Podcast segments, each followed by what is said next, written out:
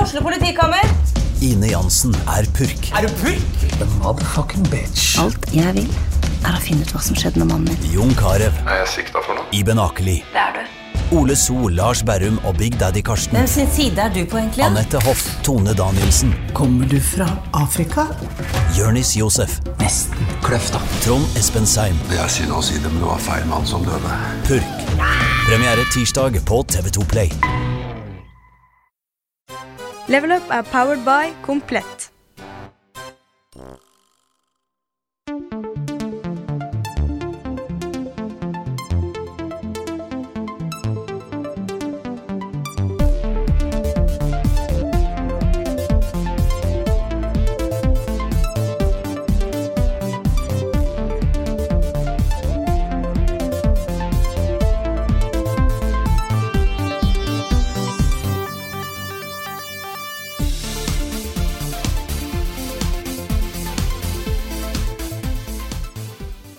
Skal vi bare kjøre nå, eller? Ja, kom igjen, kjør. Skal jeg som er morsom, Ja, eller? Si, no, si noe gøy. Si noe. ja. Ja, nei, ja. At jeg, ja. Nei, men velkommen til eh, til Level Oppkast. Nei, den, den hadde dere ikke hørt før, Nei, den, tenker jeg. eh, den, eh, den var ny, Den faktisk. er sånn eh, humoristisk pioner, vet du. Så, Ja. ja da. Og velkommen til studio, Bjørn. Jo, takk, takk. Dette er eh, første gang du er podcastgjest i lydstudioet vårt. Ja, det er er første gang jeg er Eh, kanskje ikke podcastgjest generelt. Nei, jeg var jo på, Nei, du var faktisk eh, på på den ene. Twitch-podkasten. Ja, det var det. Dette er da altså Level Upcast. Det er det. Ja, Eh, mitt navn er Karl Martin Oksnes, og ditt navn er Rune Fjell Olsen. det er det. Og ditt navn er Bjørn Magnus Midthaug. Ja, det stemmer på en, en prikk. En prikk. en prikk, ja. Ja. Bjørn er da en del av Level Up-familien. Ja. Det har blitt en eh, familie etter hvert. Det har jo det. Mm. Vi var jo eh, Det er ikke så mange år siden. Vi var bare vi to. Bare vi to. Det var sånn det begynte. Og så kom Jon Cato, så kom Bjørn. Så du er en av de første som ble med i familien. Ja, det Det er er sant, kanskje det. faktisk. Ja.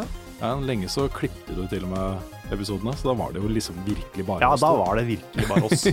Det var helt fram til eh, Lars kom inn for to sesonger siden. Så Ja, klippet noe jeg hele, hele dritten. Mm. Men ja, skal vi sette i gang med dagens eh, cast? Vi gjør det. Ja. Nei, Vi pleier å begynne å snakke om hva vi spiller om dagen. Kanskje gjesten skal få lov til å begynne nå? Ja, det syns jeg. ja. øh, hva jeg har spilt? Jeg har spilt øh, en gammel klassiker. Eller klassiker er det vel kanskje ikke, men øh, jeg har spilt Singularity. Jeg vet ikke om noen har spilt det. Et FPS som kom i 2010, tror jeg. Jeg har spilt det. Og det var egentlig litt kult. For det var Mange kule sånn- konsepter. For det var litt sånn time travel, og du kunne lage sånn time rift der tida sto stille og sånne ting. Mm.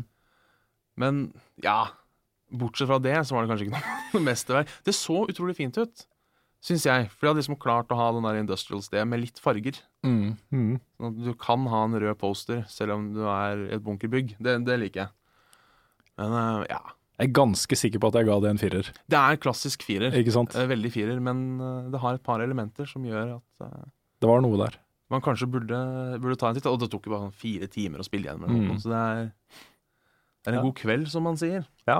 Hadde ikke du et sånt konsept på sånn, eh, noe du hadde lyst til å lage? En sånn serie om eh, spill som fikk sånn middels kritikk, men som hadde kule ting i seg? Ja. Det, hadde Kanskje- vært artig å- det kunne vært et sånt spill på den lista. Mm. Som på en måte har blitt litt glemt, da, men allikevel er, er verdt å få med seg. Det er noe der, liksom. Ja. Ja. Det eneste er det var sånne der eh, alternate endings, og det liker jeg aldri. For det var liksom sånn Du kjemper jo sammen med han der ene tullingen, husker ikke navnet hans, eh, gjennom hele spillet. Terningkast fire. Terningkast fire. og så, helt på slutten, så gjør du et eller annet sånn time rift-greier, så han ene fyren som daua på 50-tallet, er ikke dau. Og så er det sånn Skyt han, så vi kan ødelegge singulariteten. Eller skyt han, så vi kan ta over verden. Og det er, det er så fattig. Det er bare for å lage replay value. Ja, ja. Eller for folk til å gå inn på YouTube, da, som jeg gjorde. Men er det det eneste valget du får? Ja. Ja, OK. Og Så det du er har- det siste du gjør. Ja. Mm. Men det er litt det samme, altså DU6 er jo også sånn. Eh, Ja. På slutten her så har du et valg, men da har du investert ganske mye tid eh, i spillet. Og du har også investert ganske mye tid i å spille det på den måten du mener er riktig, hele veien. Så når du får det valget, så er det på en måte, Det gir mer eh, sens, da. Det gir Ja, mer ja. mening Ja, når da det gir det kommer. mening. Men ehm, da liker jeg egentlig hele Mass Effect-approachen bedre. At OK, du har tatt de valga, Mm. derfor slutter det sånn. Ja. I hvert fall Mm. sånn jeg fikk Mass Effect. ja. Det er jo Eh. i hvert fall hvis vi ser bort fra treeren, kanskje. Ja. Men eh, der også er jo ting Men det er jo mer sånn forskjellig farge på slutten, Ja, ja. på en måte. Vi snakka akkurat om Jedi Knight eh, 2 også, ja. eh, som også har ett sant valg helt på slutten. Og der kan du jo Det er jo selvfølgelig om du skal joine eh, Light eller dark side? Light vet du. eller Dark Side, ja. Eh, Men da kan du spille åssen pokker du vil gjennom hele spillet, og når du kommer til det valget, så blir du da plutselig enten god eller ond, uansett hvordan du har spilt spillet fra før. Ja. ja, for der har du sånn light og dark powers. Jeg har ikke spilt det på Light- Aner ikke hvor lenge, så jeg husker ikke så mye av det. Nei, Men, du, eh, for, du må bygge opp light og dark eh, powers gjennom Ja, hele sånn er veien. det. Du må bruke eh, greier på å oppgradere ene eller det andre. Ja. Så du kan ikke drive og mikse og matche, på en måte. Du må velge side. så det er så litt som å underveis. være laktosefri, Mm. og så går du hele dagen og klager på at du skal ikke ha melk. Og så styrter du en liter H-melk når du kommer hjem. Det er liksom, Ja. Jeg føler det blir litt sånn. Mm. Nei, i, dag, I dag skal jeg ikke spille Destiny. Og så bli hjemme, altså. og så Spiller bare 15 raid. Ja. Men ehm, jeg er litt sånn der, jeg, har ikke- jeg begynner å bli litt forsynt på den der eh, veldig eh, light og dark moralske valggreia. Jeg synes det er litt mer spennende hvis de har en mer sånn good of the many, needs of the few-type Ja, ting, da, hvor det er litt sånn mer moralsk grått. mm. I ja, Mass Effect så har du jo liksom Paragon Renegade. Det er basically good evil.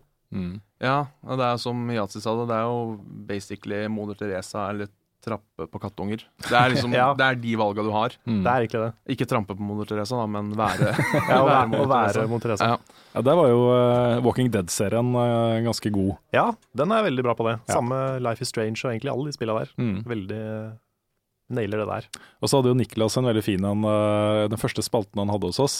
eh, Topp fem eh, vanskelige valg i spill, Ja, det stemmer. hvor eh, det var en i, i Infamous, hvor du da måtte velge å redde kjæresten din, ehm, eller eh, hva var det, 15 mennesker som eh, 15 vitenskapsmenn eller noe. Ja, et eller annet sånt. Ja.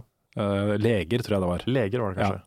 Ehm, og det var sånn utrolig bra valg. Ja. Da setter man seg ned og tenker litt. Ja. Så, Mm. ja. Definitivt. Men eh, hva har du spilt eh, i det siste, Rune? Nei, nå har jeg faktisk spilt noe annet enn Destiny. Du har det? Jeg har det. Åh, fortell. Jeg holder på med, med The Old Blood, som er delscenen til eh, Wolfenstein The New Order. ja. Og det er sweet, altså. Det er kjempedeilig. Og jeg ble så glad i eh, The New Order. Eh, et sånt spill som overraska meg ekstremt positivt da det kom, og som jeg har tenkt masse på etterpå. Det var et av mine aller, aller største favorittspill i fjor. Det endte opp med å bli det. Eh, jeg syns eh, Machine Games, som er svenske, gjør så mange kule valg med den, den serien her. Eh, det er helt ny vri på FPS og helt ny vri på Wolfenstein, samtidig som det er Wolfenstein. Og The Old Blood virker virkelig som om det gir valuta for pengene. Det er en delelse som klassisk delelse skal være. Det kommer en stund etter hovedspillet, det tilfører noe helt nytt. eh, og det er ganske langt. Det, det gir liksom value. Ja. Det er ikke bare eh, her har du nye hatter til Nei, det er så fint når det er sånn. Ja, ikke sant? Er det litt sånn der eh, Far Cry 3 Blood Dragon eh, over det? Ja, det blir litt den samme greia, på en måte. Eh, Det foregår i en annen tidsalder, dette her. Det foregår eh, under andre verdenskrig. Mm. Mesteparten av The New Order foregår etter andre verdenskrig i en parallell eh, timeline, på en måte. Ja, for det er litt sånn return to return to Castle Wolfenstein, er det ikke? Ja, det Så blir Jeg, det. jeg har ikke fått spilt det ennå, men eh, Nei, det ser er- bra Og så er ut, det veldig bra humor hele veien, liksom. Sånn eh, veldig deadpan, tørr, eh, men god humor. Så ja. ja, for det husker jeg fra traileren. Da lo jeg så jeg grein. Når han driver og sager over en hagla veldig sakte, ja. og så detter en zombie gjennom taket. og så er det bare- Kjempefort. Det er så klassisk slapstick. Det var gøy. Nei, for den har jo to deler. Den første delen er på en måte eh, snytt litt ut av tidlig 90-tall. Eh, du kommer inn i Castle Wolfenstein og skal drepe nazister. Eh, andre del eh, er det zombier, da. Ja. Så eh, det er jo Er det Helga von Schnapp hun heter? Nei, Helga von et eller annet. Von Schnapp? Jeg husker ikke. Helga von et eller annet. Ja. Som eh, er på en måte eh, Ja, som også var veldig sentral i New, The New Order. Som Mm. eh, driver og forsker da på genmanipulering og sånne ting, liksom. Så nei, det er et koselig spill. Ja. Zombier, genmanipulering, nazister. Koselig spill. Alt man koselig trenger. spill. Koselig, altså. Veldig, veldig kos. Ja, så skal jeg få begynt på Project Cars. Ja. Eh, før eller seinere så gjør jeg det, men jeg vet ikke om jeg rekker det til episoden. Får se hvor mye tid det blir. Eh, det er litt dumt å bare kaste fra seg en ting for å spille noe annet litt, liksom. Og så. Mm.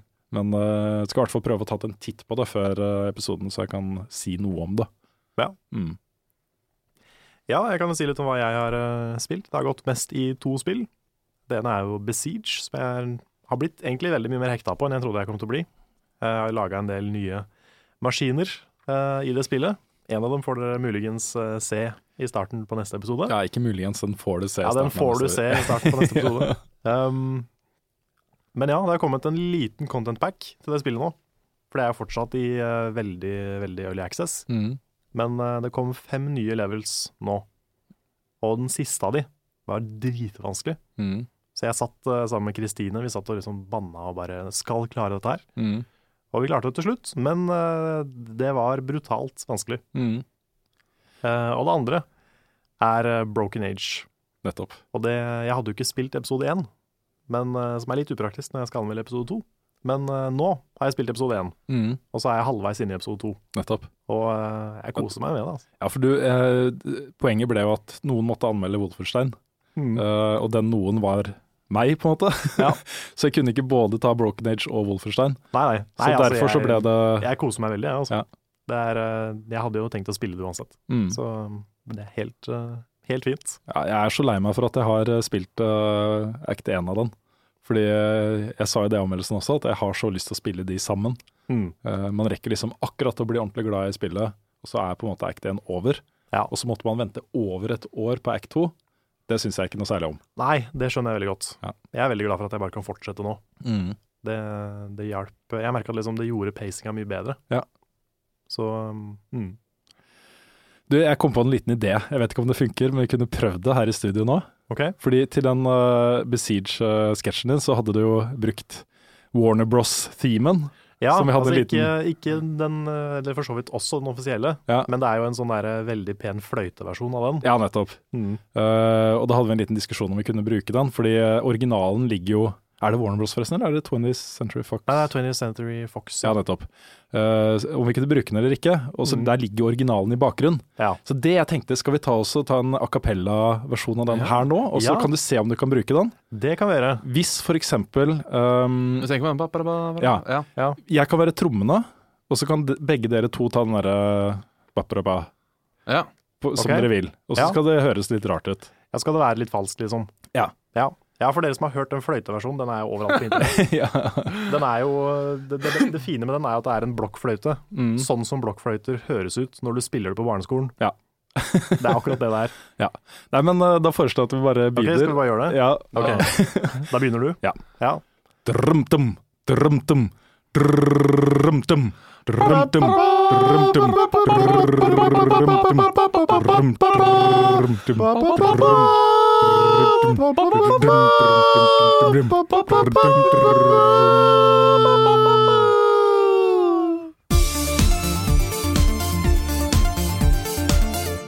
Altså der, eh, Carl, der har du kanskje en versjon av det- den som vi faktisk kan bruke til sketsjen. Du har funnet en annen sånn Ja, trudelutt. jeg har funnet en annen en, for Ja. en sånn Final Fantasy trudelutt. Ja, Men det nettopp. er morsommere med eh, 20th Century Fox. Ja, altså Det er vanskelig å glemme den versjonen når jeg først har sett den, for den, var, eh, den passa så utrolig perfekt.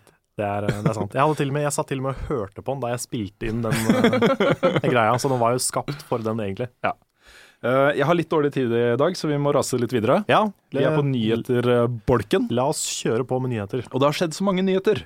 Ja, Denne gangen har det skjedd mange nyheter. Vi kan begynne med Oculus Rift, som nå har fått lanseringsdato, og den er første kvartal 2016. så da blir det ikke 2015-året for Oculus Rift nå heller. Nei, men eh, Valve sitt eh, VR-headset kommer jo før jul fortsatt, sier Ja, det de. gjør det. Ja. Ok, så Eh, det kom HTC først. Revive eller noe sånt kalte de vel det. Ja, det Ja. var det vi lurte på om het Vive eller Revive eller hva det var. Ja, noe sånt. Mm.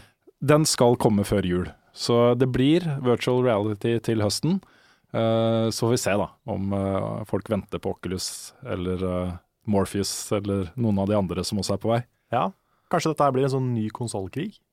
At, du Det, har, ja, men det er klart det blir det. ja, at det er liksom eh, Hvis Vive kommer først, eller Revive kommer først, så kommer Morpheus og eh, Oculus ca. samtidig. Mm. Det, ja. det Men bygger opp jeg- til jeg- en krig her, altså. Men, ja, ja, men jeg tenker også at det kan bli sånn eh, Nå er jeg kritisk til alt. Eh, Ja. men jeg tenker også at det kan bli litt sånn eh, Litt sånn downfall, som det var på 80-tallet. Liksom hvis plutselig alle begynner å spy ut eh, VR-headset. At det bare blir sånn flodd i markedet, så ingen vet hva de skal velge. Og så Akkurat når det gjelder PC, så håper jeg at det kan bli eh, litt hipp som happ. Ja. Fordi eh, den teknologien om å rappe bildene så tett i, altså det er jo så tett i øyet ditt, det bare rapper de rundt på en måte sånn at det ser ut som det er du ser inn i et eh, virtuelt rom. da. Eh, Den teknologien er jo ikke proprietær. Den er, jo, den er det jo mulig å få til om du bruker eh, Valve sin, eller om du bruker Oculus, eller hva du bruker. Det burde Ja, jo det er Mm. være Ikke sant? Så det det går på på PC, er jo maskinkraft og den type ting, først og fremst. Eh, Jeg håper ikke at det, vi, vi vil se nesten bare eksklusive spill der.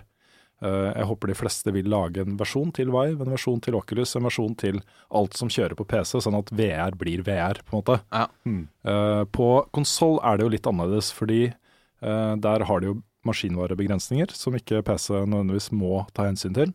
Eh, Så der eh, vil, vil du nok se mye eksklusive ting, tror jeg. Men tror du eh, PlayStation 4 noen gang f.eks. vil få Oculus support?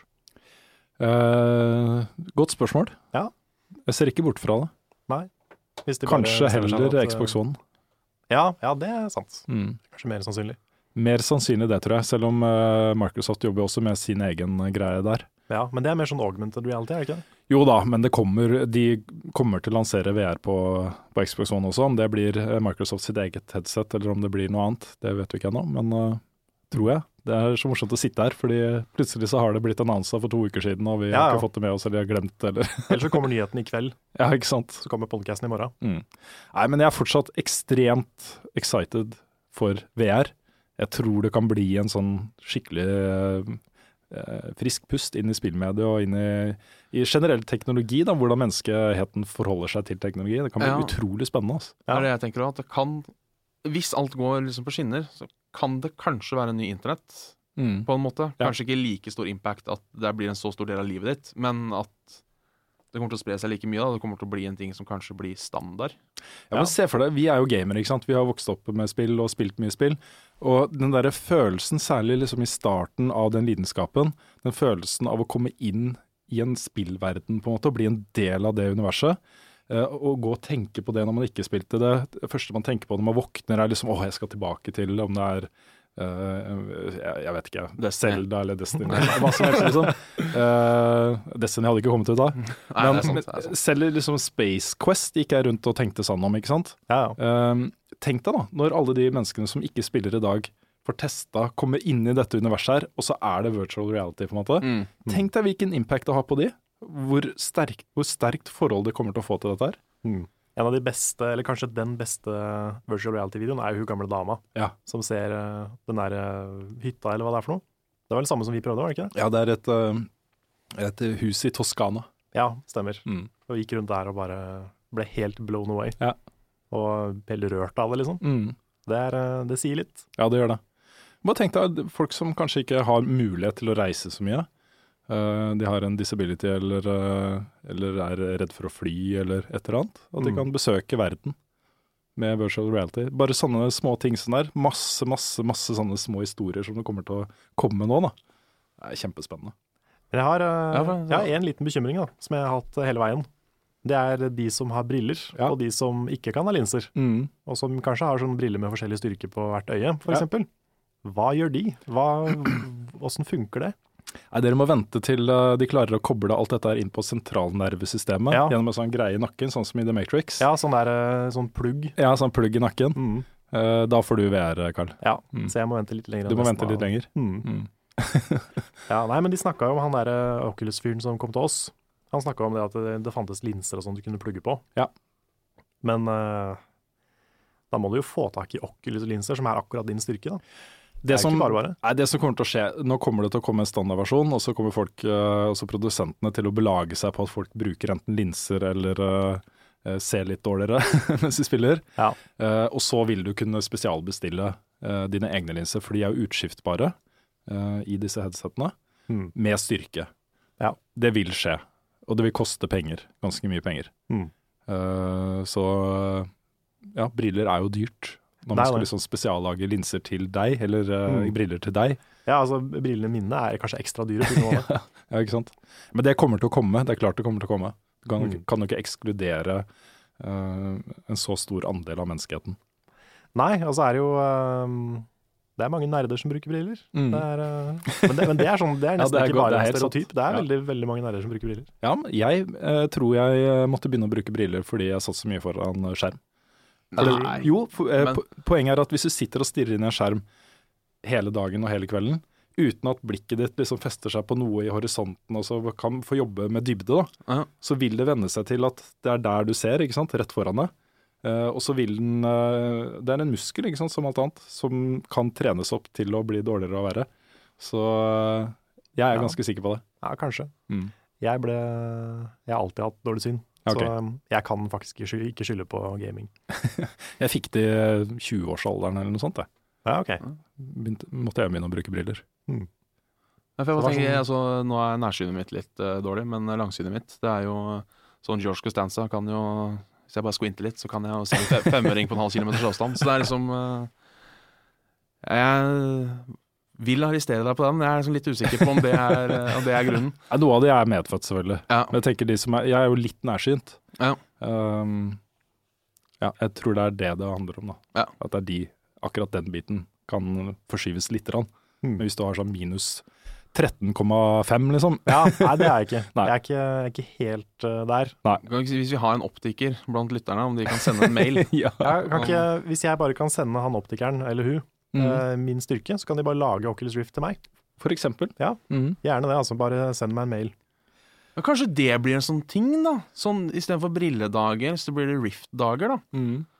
Hvor liksom, hvis du kjøper de hos eh, nevnte kjede, så får du jo 80 og eh, sånn Kanskje- sølvkort. Kanskje om et år så er det sånn der supermarked eh, på sånn Synsam og alle de der brilleland og alle de stedene. der. Ja. Med Oculus Rifting. At det er sånn, de får sånn helt nytt marked for gamere. Ja, og så bare utvikler det seg, så om 40 år så er Synsam det nye Walmart. Ja. Det er drøyt, altså, hvor fort det kan gå. Ja, og så altså, tenker vi vi slutter å gå på Space World og game og sånn. Ja. Vi går på Brilleland og Alt, alt, alt er på Synsam. spillting. Ja. Ja. Synsam blir sånn ny Doomcore som bare tar over, expander, eh, expander utover solsystemet og ja, det blir bra.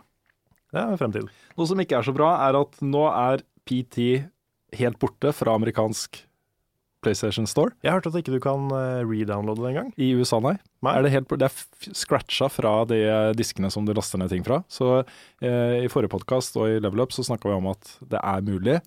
Og hvis du allerede har kjøpt PT, å laste det på nytt hvis du har sletta det. Hmm. Mm. Det er i USA nå ikke mulig lenger, og det er vel bare å forvente at det samme kommer til å skje i Europa. Det er eh, Det føler jeg sier noe litt sånn skummelt om eh, om måten vi preserverer spill på Hmm. også. Mm. For det er sånn, hvis, hvis det er så lett å bare fjerne et spill fra all eksistens, nesten, Mm. det, det er jo ikke bra for, liksom, å, for spillkulturen. Nei, det er jo ikke det. Og dette er jo et veldig sånn godt eksempel på det også, fordi PT er da eh, en slags teaser for Silent Hills, som var det prosjektet til eh, Hideo Kojima og Guillermo del Toro, som nå ikke blir noe av. Eh, og dermed så fjerner de også den teaseren fra PlayStation Store. Men det er jo på en måte et stykke spillhistorie også. Og du ser jo nå at begynner, nå begynner jo folk å selge PlayStation 4-konsoller med det spillet installert på eBay. Hmm. Om ti år det kommer til å være så mye verdt. Det kommer til å være så mye verdt. En PlayStation 4 som har det spillet som faktisk fungerer. Mm. Hmm. Tenk deg da. Så det sier last ned PT. Ja, gjør det Ja, før det ja. slettes fra amerikansk, fra europeiske store også. Ja. Men kan du fortsatt kjøpe det i Europa? Nei, du kan ikke kjøpe det. Nei, ok. Så hvis ikke du har kjøpt det allerede, så er det for sent. Da er det for sent. Ja. ja. ja. Men jeg har det på konsollen nede, så jeg skal ta den konsollen, og så pakke den godt inn, og så skal det gå inn i pens- pensjonsfondet mitt. Ja. Mm. Da selger du på eBay når du blir sånn eh, 70-80. Ja, så skal jeg ta alle pengene og kjøpe meg inn i main event i øh, øh, VM i poker. Eller du kan ta alle pengene og lage Silent Hills, Ja, kanskje det. for eksempel. alle, alle som, ja, det er en godt, god idé. Alle som har lyst til å se Silent Hills, de kan ta vare på PlayStation 4-konsollene sine fem-seks år til, så selge de, og så lage Silent Hills. Ja. Ja. Det er flawless. Det er flawless. Mm. Jeg ser ingen feil i den. Nei, nei, det kommer garantert til å funke. Ja. Bare få Men, med men, Kojima men og Del noen, Toro. noen kommer vel til å kanskje finne ut en måte å få rippa det på. Og som man kanskje kan få kjørt det på Ja, det blir modda helt sikkert konsoller uh, og pirata kanskje. etter hvert. Ja, men det er, det er vel ikke noe pirate, uh, pirating på PS4? Nei, jeg vet ikke. Nei, men jeg tenker det kommer, Nei, jeg vet ikke, Ja, det, kanskje. det Altså, pleier å komme. vil jeg tro. Altså, det eneste som driver eh, sikkerheten videre, er jo de som bryter den sikkerheten som allerede er. Ja. Så jeg- Nei, vi får se. Call of Duty Black Ops 3 er annonsert, Carl. Ja, Der gikk du i taket. Der gikk jeg rett i taket. Nei, men altså, jeg har ikke, jeg har ikke sett hele den traileren ennå, men øhm, Jeg har jo, altså Hver gang det kommer et nytt Call of Duty, selv om jeg ikke er noe eh, FPS-entusiast, så vurderer jeg jo å teste det. Mm. Så jeg får se, kanskje, kanskje nå, endelig, prøver jeg for alvor Call of Duty.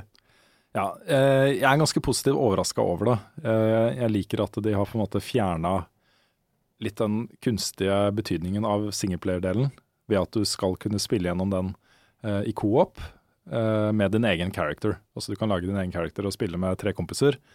Og når jeg sier kompiser, så mener jeg både gutter og jenter. Ja, Gjennom singleplayer-campaign. var det Jeg- veldig, jeg- veldig ja. bastant å si fra om det. Ja, Nei, men eh, det, for meg er det et sånt ord som eh, guy, liksom på engelsk. ja, ja. Hey guys. Mm. Eh, men samtidig, jeg har, vært, jeg har jo anmeldt tror jeg alle spillene Treyarch har lagd. Og de kommer inn i Call of Duty-serien som en sånn eh, Hva skal man si? En veldig kommersiell greie. Fordi eh, originalutviklerne ville ikke lage et nytt Call of Duty-spill hvert år. De ville bruke lengre tid på det, ville bruke et par år. Mens Activision ville gi ut et Call of Duty-spill hvert år. Så da ble de henta inn, og de lagde Call of Duty 3, var det første spillet de lagde. Som var ca. 1000 ganger dårligere enn Call of Duty 2. Eh, og så har det hele tiden liksom fulgt opp. Kanskje blitt litt bedre fra gang til gang. Eh, noen av de spillene jeg har lagd har jo blitt veldig godt mottatt, særlig multiplayer. Eh, men som singleplayer-del, s- singleplayer, så har det vært veldig rart. He alltid. Det jeg syns er litt morsomt her, er jo at eh, eh, disse gutta i Infinity Ward de forlot jo selskapet under veldig dramatiske omstendigheter. Eh, lagde et nytt selskap, begynte å utvikle Titanfall, eh, som eh, fikk EA som publisher. Og det første Treyarch gjør da, som eneansvarlig for Call of Duty-serien, er å liksom gjøre noen av de samme tingene som eh, Infinity Ward gjorde med Titanfall. Legger til litt større bevegelsesfrihet og sånne ting. Noe som de tar helt ut nå. Nå kan du wallrun og dobbelthopp og alle de der movement-tingene du kan gjøre i Titanfall. Jeg syns det er litt pussig, altså. Det er jo ehm, Jeg vet ikke, er det de som har liksom drivet sjangeren framover hele, hele veien, eller er det urettferdig å si? Eh, Tenker du Call of Duty, eller? Nei, jeg tenker Infinity Ward. Ja, altså de er jo banebrytende, og igjen, det, altså Infinity Ward var jo utbrytere fra det studio som lagde Medal of Honor, første Medal of Honor til PC, Mm. som jo var virkelig banebrytende da det kom. Eh, innførte veldig mange av de filmatiske grepene som vi ser i skytespill eh, i dag. Um, og når de lagde Call of Duty, så tok jo det en enda et skritt videre. Veldig sånn actionfilmpreg over det, egentlig. Eh, og så da med Modern Warfare, som jo var en revolusjon for eh, multiplayer eh, spesielt, men også eh, hvor den der filmatiske tingene ble tatt i nye høyder. Så de har vært veldig veldig sentrale i akkurat den delen av skytespillsjangeren. da, eh, helt, s- helt siden eh, starten av 2000-tallet, slutten av 90-tallet. Så eh, ja, de er ikke hvem som helst, på en måte. Nei. For de har laga gode spill. Det, jeg syns jo eh, Modern Warfare 1 er vel kanskje et av favorittspillene mine. Ikke fordi, nødvendigvis fordi det er verdens beste spill, men det er bare det er så, Jeg syns hele pakka er så bra. Det er så mye fett der. Ja, det er akkurat det. Og, det er, eh, og jeg, mener, jeg husker jo første gangen eh, Spoiler. eh, første gangen når de nuker den byen, og du ser den der atomskya i horisonten mens du dauer. Det var, eh, det var fantastisk, altså. Ja, de har naila særlig, eh, særlig Modern Warfare 1 og 2, føler jeg. De naila den der følelsen av å være en del av en actionfilm. Ja. Eh, virkelig. Men det er jo Infinity Ward som har lagd begge, begge de to Ja. spillene. Um, ja. Men jeg syns, eh, jeg syns Black Ops 3 så gøy ut å spille. Så eh, det er noe der, tror jeg, som eh, kanskje kan overbevise meg om at, at Jeg har de ikke klarer å fylle de skoene. Har ikke sett traileren ennå. Jeg forventer liksom ikke Altså, jeg tenker liksom det at Call of Duty kommer ut i november, det er litt som at Donald kommer ut på tirsdag. Det er liksom Ja. du, Ja. du blir ikke Oi, har du hørt det? Det kommer, Mm. kommer Donald på tirsdag. Det er liksom ikke sånn. Nei. Det føler jeg. Det kommer faktisk også et nytt Assassin's Creed etter hvert. i- ja, ikke sant? Ja. Eh, så jeg er liksom ikke Jeg har ikke hypen, sånn sett. Eh, Nei. Jeg tror det blir bra. Jeg har jo vel spilt alle bortsett fra treeren, tror jeg. Så jeg har jo Det blir vel fare for at jeg spiller det her òg, Ja. sånn uansett. Ja, samme her. Ukulele Ja! Yes! kickstarter-prosjekt eh, med tidligere Rare-folk. Ja. som eh, jo sto bak da Banjo Kazooie og Donkey Kong 3 og alle de morsomme tingene som kom på Nintendo-plattformene på 90-tallet. eh, og som senere står bak eh, store Kinect-spill som eh, Kinect Sports og Adventures. ja, sånne ting, liksom. Ja, Eh, ja, var det de som lagde Kinect Sports, forresten? Det husker jeg, jeg ikke. tror det var Kinect Sports Adventures, eller hva det Ja, var. et eller annet sånt.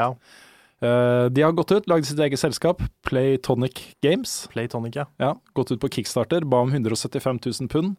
Fikk det i løpet av tre kvarter, eh, og runda 15 millioner kroner på et par dager. Ja. Folk har lyst på et nytt Banjo Kazooie. Folk har veldig lyst på et nytt Banjo Kazooie. Ja.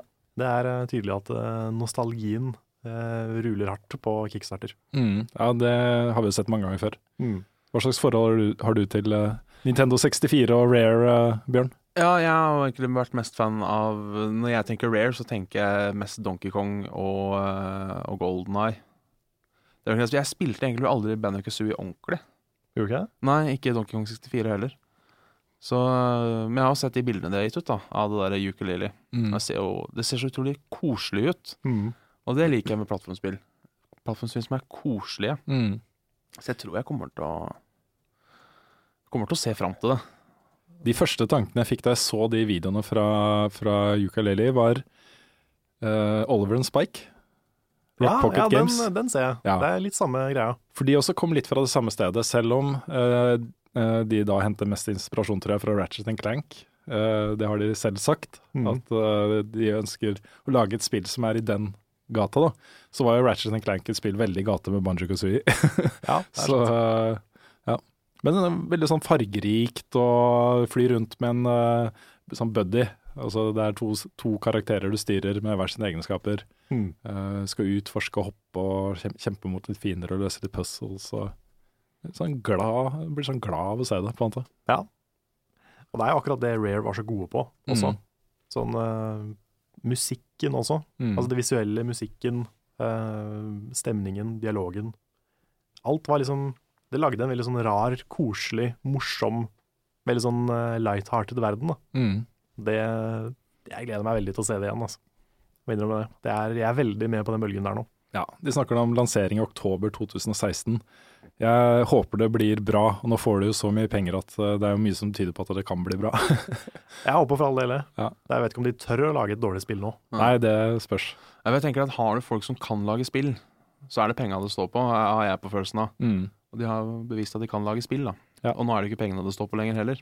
Nei. Så eh, det ser jo lyst ut. Mm. Eh, Ja, For dette her er de gamle Rare-folka, ikke sant? Ja da. Det er ikke de som sitter der nå og ikke vet hva de skal gjøre. Nei, Hvis du går gjennom liksom prestasjonen av alle de ansatte der, så er det Og her sitter han som lagde liksom character eh, design til eh, Donkey Kong eh, 64. Her er de som, han som lagde musikken til Ikke sant? Det er de folka, da. så det er litt morsomt. Det er Ja, sånn Eh, allstar-lag. Ja, det er litt På en måte. Allstar. Det er jo ikke de tyngste navnene fra Rare, det er det ikke.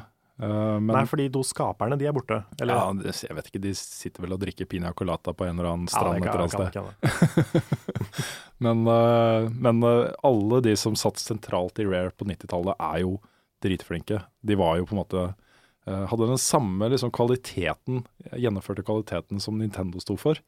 Eh, og Derfor så var det også en veldig god match. Nintendo Rare var en kjempefin match. Mm. Så eh, ja. Nei, men jeg gleder meg, jeg også. Jeg tror det blir gøy. Eh, det blir mer om gamle storheter som dukker opp igjen. Ok. Tony Hawks Pro Skater 5 Ja. er annonsert. Ja, ja, fy fader. Det, det Jeg- gleder vi oss til. ja, jeg sier ja. Ja, Og, og som jeg nevnte i stad, det er at det heter Tony Hawk Pro Skater 5. Heter ikke Tony Hawk Underground, heter ikke Tony Hawk Grind eller Rails eller Shred. Shred, eller Shred, Shaft ja. eller eh, Ride. Tony Hawk Jeg kunne gøy å spille Tony Hawk Shiv. At du skal, du skal Ja. ja. skive skaten. Nei, Tony Hawk No Scope. Ja. Nei, men altså Egentlig bare navnet var nok Mm. på meg til å få tro at det her kan funke. De sier jo at de skal tilbake til eh, det de første Tony Hawk-spillene var. Ja. Mm. Ja, men for- det sa de jo også med HD. Ja. Men de, de var jo for så vidt tilbake til the basics med HD. Men Ja, Bortsett ikke tilbake til eneren. ja, de gikk tilbake til eneren, og så i tillegg så fucka de fullstendig med fysikkmotoren. Ja. Så det ble, jo, det ble jo et dårligere spill enn det de gamle var. Eh, så det håper jeg ikke de gjør igjen. De Nei. kanskje, de kanskje nailer den litt bedre enn de gjorde. ja. Jeg håper egentlig på f- bare fireren med, god, eh, med bedre grafikk. Ja, for vi prata litt om det før podkasten, at eh, vi føler at Tony Hawk kanskje pika med fireren. Ja. Så eh, At det kommer en femmer, det er, det er good news.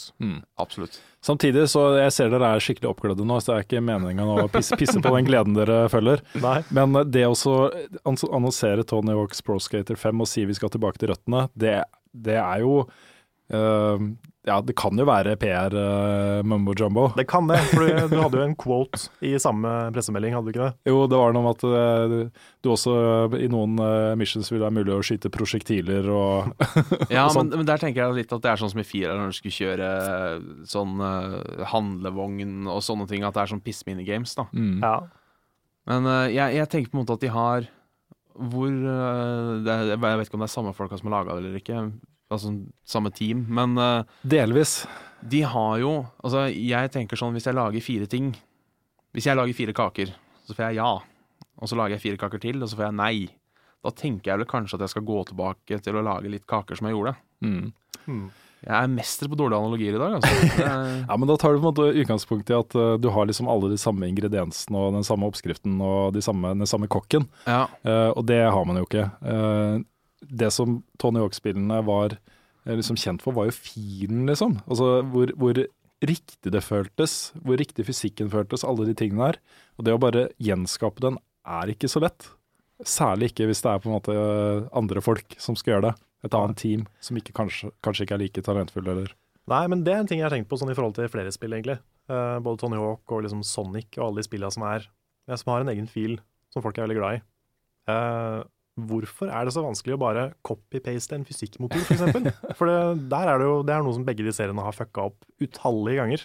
De har prøvd å liksom gjenskape eh, fysikken og filen på det, og faila hver gang. Hvorfor tar de ikke bare og bruker det gamle? Det kommer jo så mange nye funksjoner som er mulig å ha med, liksom. Som eh, spiller inn, og da får man en ny fysikkmotor. Ja. Jeg vet ikke. det Det er Ja, ikke vil veldig jeg ikke. tro mye av det har med kompabilitet øh, å gjøre òg. Mm. Det er vel ikke sikkert bare å ta de hvor- Tony Hawk var 13 år siden det kom. Ja. Så det er vel ikke bare å ta 15 år gammel kode og kjøre inn en PlayStation 4 og regne med Nei, det er det jeg ikke vet. Liksom hvor, eh, hvor det er vanskelig ikke- det er altså- å konvertere direkte. N- Nå er jo ikke jeg eh, mester på det her, men altså mye av det er jo eh, Mye av den koden går jo over hva skal, hva skal den kjerna i CPU-en gjøre, hva skal den kjerna, hvor mye ram skal gå til det, sånne Ja. ting. Eh, Mm. koding på ganske lavt nivå. Og jeg vil jo tro at hardwaren i den ja, den første Xboxen da, som jeg spilte Tony Hawk 4 på, vi kaller den bare Xbox, og Xbox One Jeg vil jo tro de har gjort et par oppgraderinger, Mm. håper jeg for de. Ja, Så at det jeg- vil Jeg eh, vet ikke om, liksom, om det er det, eller om det er det at de prøver å gjenskape det. De prøver å gjøre det bedre. Og så gjør Altså, de jeg, det jeg tror ikke det vil gå. Altså, hvis du vil kjøre den koden, så får du vel Mest sannsynlig vil den ikke kjøre. Vil jeg tro, da, hvis du bare Mm. copy-paster over. Ja. ja, men jeg tenker mer sånn verdier, da, liksom, at de legger inn de samme liksom Ja, Samme liksom. ja, regnestykken, holdt Det jeg på å er jo sant, men de tenker jo på en måte og Hvis du ser åssen ting henger sammen ikke sant? Ja, men Det ser jo litt Det ser litt 13 år ut. Ser litt 13-åring ut. Eh, det ser litt 13 år gammelt ut. Mm. Vi må prøve å få det til å se litt bedre ut, for vi kan få det til å se bedre ut. Og så Mm. feiler de. Ja. Men de gjør ikke det denne gangen. Vet du, for jeg, jeg gleder meg sånn til det her. Ja, ja, vi, vi får se. De klarer det nå. Ja. Ja. Vi går videre til noe annet som vi har gleda oss til. Mirrors Edge 2 har eh, fått en slags lanseringsdato, Q1 2016. ja. Det er litt sånn morsomt nå med, med den tida vi er inne nå, for det er mye sånn finansrapporter og disse store utgiverne de driver og snakker til investorene sine, og da kommer det alltid litt nyheter. Mm. Eh, og dette var en av de, da. At uh, Mirror's Edge 2 har fått lanseringsdato. Eh, Jeg har ikke tenkt å si så mye mer om det e- egentlig, enn at eh, det er på vei. Det har fått en dato. Vi gleder oss, gjør vi ikke det? Mm. Det gjør vi. Det store spørsmålet her er om det får eh, VR-støtte. Altså, Det må de jo Ja, nesten. altså jeg Mm. tenker altså, Hvis de har Hvis de kjenner sin egen besøkstid, som jeg liker å si så en av de, de burde jo ta tak i en av, en av de tre aktørene og si hei, skal vi Mm. gå sammen på det her? Tenker jeg. Ja. Det er jo tidenes eh, mulighet. Men samtidig, eh, det første Mirrors Edge gjorde folk litt kvalme. Ja da, jeg husker jo Eh, hva, husker det godt. Hva kommer til å skje i VR? Ja, det Folk blir kvalme der også. Ja. Men eh, det var jo en av de store gledelige nyhetene da Valve presenterte sin, sitt headset, eh, som jo hadde mye høyere refresh rate eh, og oppløsning enn det eh, Oculus Rift har hatt til nå. Mm. eh, hvor folk rapporterte at det ikke ble kvalme. Og hvor Gabe Newell gikk ut og sa såpass eh, bas- bastant at eh, det var noe sånt som bare 1 eller noe sånt av de som tester eh, Vive, som blir fysisk kvalme. Så kanskje de klarer å løse det. Ja, men til gjengjeld kanskje den ene prosenten døde. ja, Det vet, det vet vi jo ikke. Nei, det er sant. Vi kommer litt tilbake til akkurat den problematikken seinere, og har fått et spørsmål om det også. Ja. Rase gjennom de siste eh, nyhetssakene. Grim Fandango Remastered er ute på IOS og Android. Hei. Mhm. Den eh, bør folk sjekke ut, hvis ikke det er gjort allerede. Goat Z kommer. Goat Sea, ja. Goat Z. ja. Ja, hva var det for noe igjen? Det er en, Goat Simulator, en zombie-modus i Goat Simulator. men det er en del av det spillet? Nei, det er standalone, tror jeg. Ok. Men eh, jeg har bare hørt navnet. Er det liksom Daisy med geiter? Ja. Eller er det Goat Simulator med zombier? Det er Goat Simulator med zombier. Ja, Ja. Ok. Det er på en måte Goat Simulator, men geitene du styrer, har blitt zombier. ja ok. Ja. Det aller morsomste med det spillet tror jeg faktisk er det bare det bildet de lagde, for logoen er jo rippa fra, fra Daisy. Ja. Og i tillegg at uh, Goatsea også betyr noe annet. Ja. Wii U har solgt 9,5 millioner eh, eksemplarer. ja. Nintendo går med, s- eh, for, med overskudd For første gang. for første gang på fire år eller noe sånt. Ja, det er vel for første gang siden Wii U kom ut. Var det Ja, ikke noe det? sånt. Ja, Eh, og det er jo spennende. det er spennende. Samtidig så melder jo, meldte jo PlayStation 4 nettopp, eller Sony eh, meldte nettopp at eh, de har runda 22,5 millioner solgte PlayStation 4-konsoller. Ja. De forventer å selge 16 millioner til i løpet av 2015. Eh, Så det skjer ting der. Jeg syns det, var- jeg synes det er litt morsomt å se de tallene, fordi før noen av disse ble lansert, så hadde jeg jo s- eh, virkelig store spørsmål rundt s- hvordan salget kom til å gå. Mm. Eh, Kanskje endte de opp på sånn fem millioner hver, et eller annet. Ja. Så det er i hvert fall gøy å se at det, det selges noen av de. Mm.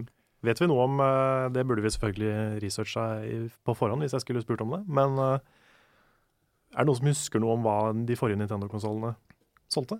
Sånn til å sammenligne. Altså We eh, solgte jo noe sånt som 150 millioner eksemplarer eller noe sånt. Ja. Så det er jo litt mer. Litt mer. litt mer. Eh, jeg tror PlayStation 3 og Xbox 360 endte opp på rundt 80. 70-80 millioner. Ja, OK. Eh, PlayStation 2 er jo tidenes mest solgte spillkonsoll. eh, rundt 200 millioner nå, tror jeg. Um, ja. Hmm. Jeg tror GameCube lå på rundt 30. Ja, ok. Ja, Så- det er, det er tall, det er tall jeg tar ut av rumpa mi akkurat her og nå, Ja. men eh, de er sånn omtrentlig riktig. Sånn omtrentlige tall. Så det er, det er fortsatt litt igjen, med andre ord. Litt igjen. Mm. Eh, bare nevner én siste kjapp ting, for jeg møtte Bendik i Snowcastle på gata eh, i går, eller forgårs, eller når, når det var. Ja, OK. Eh, da spurte jeg hvordan det gikk med, med Festival of Magic, eh, om det fortsatt kommer i juni. Og var sånn Å nei, nå skal du høre. Og så hadde han en lang historie, da, fordi eh, eh, han hadde visstnok gått rundt og vært litt redd for å gå konkurs. Oi. Eller de hadde ikke mer penger igjen. Men nå har det liksom strømma på med en amerikansk investor, og de har fått penger fra NFI, og de har fått penger fra, eh, fra Innovasjon Norge, og det, er- nå har de masse penger. Men lanseringen, sa han, eh, de regner med at det nå, nå blir sånn på slutten av året. Bare så, så du vet det. Ja, ok. Men det går bra med de. Han Ja. var veldig happy. Ja, nei, men det er bra. Mm. Jeg leste jo også, det var litt eh, interessant, en del av samme Nintendo-greia. At eh, Nintendo gjør det bra i resten av verden, men ikke så bra i Japan. Hva kan det komme av? Ja, men det gjelder også, også PlayStation 4 og Xbox One. Det gjør det. Eh, japanerne har slutta å spille hjemmekonsollspill. Det er, et generelt, det er en generell trend i Japan. Eh, de spiller på mobiltelefoner, og de spiller på håndholdte spillmaskiner. Eh, Og kanskje i stigende grad på PC. Men eh, vanskelig å vite akkurat hvorfor. Men eh, det er i hvert fall den utviklinga det har gått i, da.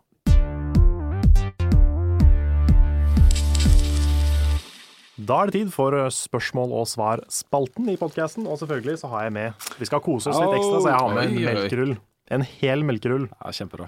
som vi kan dele, alle tre. Nam-nam. Det er Nam, pluss i nam. boka. Ja, det er det. Ja. Ja, nå skal Det- vi kose oss. Jeg har levd på sånn melkerull pluss i boka. I, det er derfor jeg fortsatt jobber her.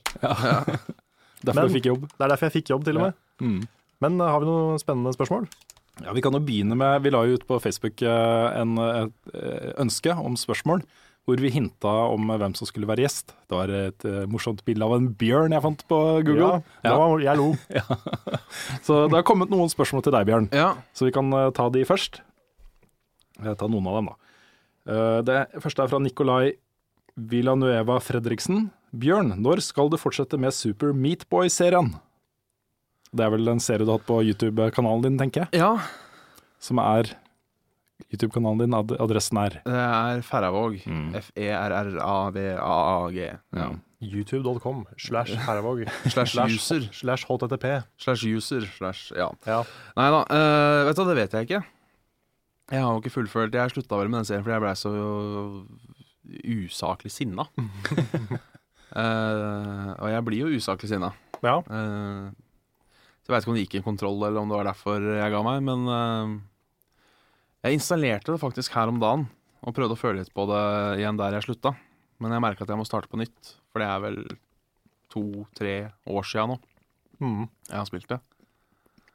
Men eh, det er jo et artig spill, da. Det er jo griseartig, men grisevanskelig. Mm. Syns jeg, da. Så eh, kanskje en gang, hvis det er eh, by popular demand. Ja. Sånn uh, rebootere. Mitt, eh, mitt favorittøyeblikk fra din YouTube-kanal Ja. Det er når du spiller Donkey Kong Country 2 med lag, ja. og du blir så sinna at du slår av og begynner å spille Tetris. ja, da var jeg sint. Så Ja. sint har jeg aldri vært i hele mitt liv. Da, da satt jeg hjemme aleine og lo høyt. Ja. Når du liksom bare midt i en Let's Play begynte på et annet spill. Ja. Det var liksom, Altså, det er Toxic Tower i Donkey Kong Country 2 er kanskje et av de kjipeste bretta som noensinne er laga i et spill. For Det er liksom sånn fire hopp etter hverandre der du må ta på første forsøk, hvis ikke så detter du i den der eh, ja, gifta da, som detter oppover. de spillene er ganske hardcore.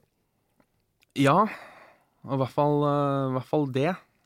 Det tok nesten livet av meg da jeg var eh, barn, og det, det gjør nesten det samme nå, altså. Det Ja. er, det er fristende å bruke juksekode.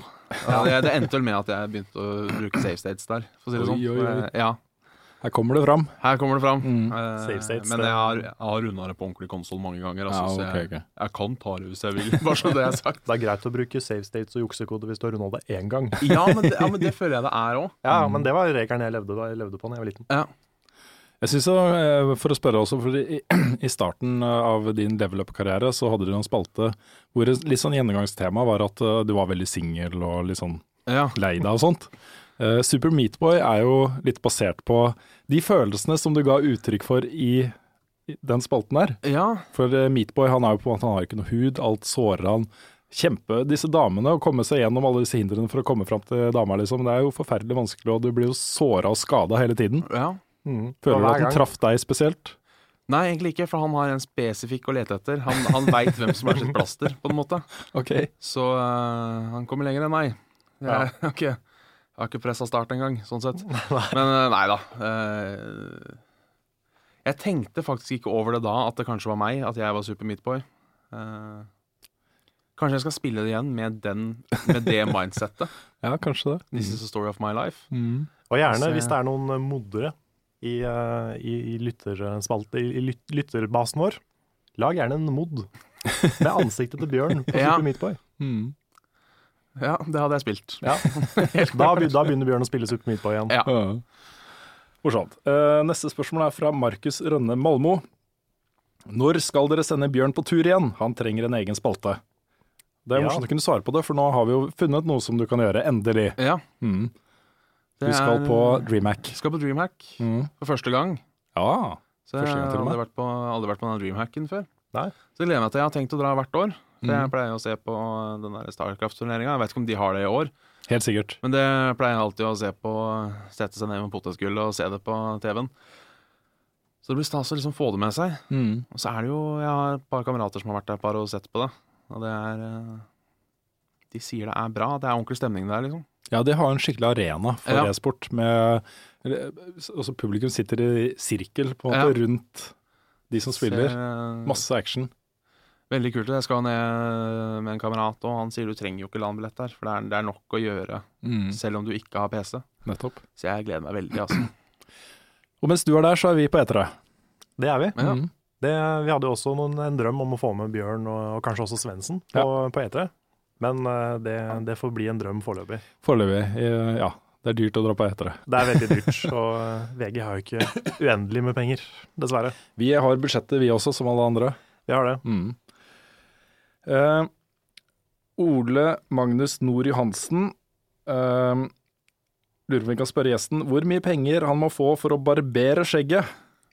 Kanskje jeg betaler, og så limer jeg det fast på mitt eget tryne. Nei da, men lurer veldig på hvor mye skjegget er verdt for Bjørn. Hvor mye er det verdt for deg? Kommentaren tok en veldig creepy turn et lite øyeblikk. Han gjorde det. Hvor, my- hvor eh, mye penger skulle til for at du skulle ta skjegget? Jeg har gjort for en tusenlapp, liksom. Tusenlapp! Hadde du det? Ja. Jeg Tusenlapp! tror skjegget ditt er verdt mer enn det. Altså. Nei, men altså, jeg, men altså, jeg tenker sånn eh, etter jul Har du skikkelig dårlig råd, Bjørn? Er det Nei, jeg har egentlig ikke det, men jeg tenker sånn etter eh, Etter, altså eh, En smart mann sa 'alle er horer, de får bare ikke nok betalt'. Eh, og jeg føler at det, er litt, at det er litt det samme der, da. Um, for jeg, jeg tok jo nesten skjegget eh, til jul, fordi jeg skulle stusse det, og så gikk det galt. Alle med hår eller skjegg kjenner til det. Ja, da, Ah, fiks den- impotensi, fiks impotensi. OK, vi må ta det. Eh, men da var det jo da laveste setting på barbermaskinen, Mm. så det var fortsatt litt igjen. Men eh, jeg tenker det er sånn tre uker Tre uker sparing til jeg hadde vært der igjen. Ok, så du, det vokser fort, med andre ord. Jeg vokste ikke sånn superfort, men jeg vokste fort nok. Ja. Så jeg kunne, jeg kunne eh, Du hadde overlevd. Jeg hadde gjort det for en tusenlapp. En Det, det tusenlapp. hadde jeg gjort, altså. Oi, oi, oi. Men jeg ville, når du først liksom skal gjøre det, så ville jeg tatt mer. Jeg ville krevd mer penger enn en tusenlapp. Ja, altså Hvis jeg først kan ta betalt for det, så Ja. tar jeg jo selvsagt 1000 kroner er nesten, nesten så lite at eh, jeg kunne ha bare bladd opp her nå, og så tatt fram barbermaskin. Her, liksom. I studio mens vi sitter der. Jeg, jeg, jeg hadde ikke gjort det, altså. Nei, for vi må jo ha kamera. Jeg må, jeg må ha kamera og barbermaskin Kanskje- og 1000 kroner. Kanskje hadde det vært en idé å tatt en level-up-episode Ja, for eksempel. Ja, da kunne du beskrevet hvordan det ser ut. Ja. Jeg flyr håret Ja. veggimellom. Og nå er det hud under skjegget. Det eneste problemet er at jeg ser jo, jeg ser jo ikke ut uten skjegg. Det er problemet. Du jeg kan være kjekk uten skjegg, Bjørn. Ja, men det er liksom sånn man er vant til å se noen med skjegg, vant til å se seg selv med skjegg, og så ser man seg selv uten skjegg. Eh, jeg husker jo for et par år siden så barberte jeg meg, barberte jeg meg glatt. Eh, så kom jeg på jobb, og det første jeg fikk høre var Fy faen, Bjørn, nå ser du ut som en rapist. Og det var liksom Det var mottakelsen jeg fikk, da. Så jeg tror eh, Jeg tror jeg beholder skjegget. Men altså, om prisen er god nok, jeg gjør det, altså. Eller for en veldig god sak. Og det er kanskje stilt opp. Hvis den er god nok. Hmm.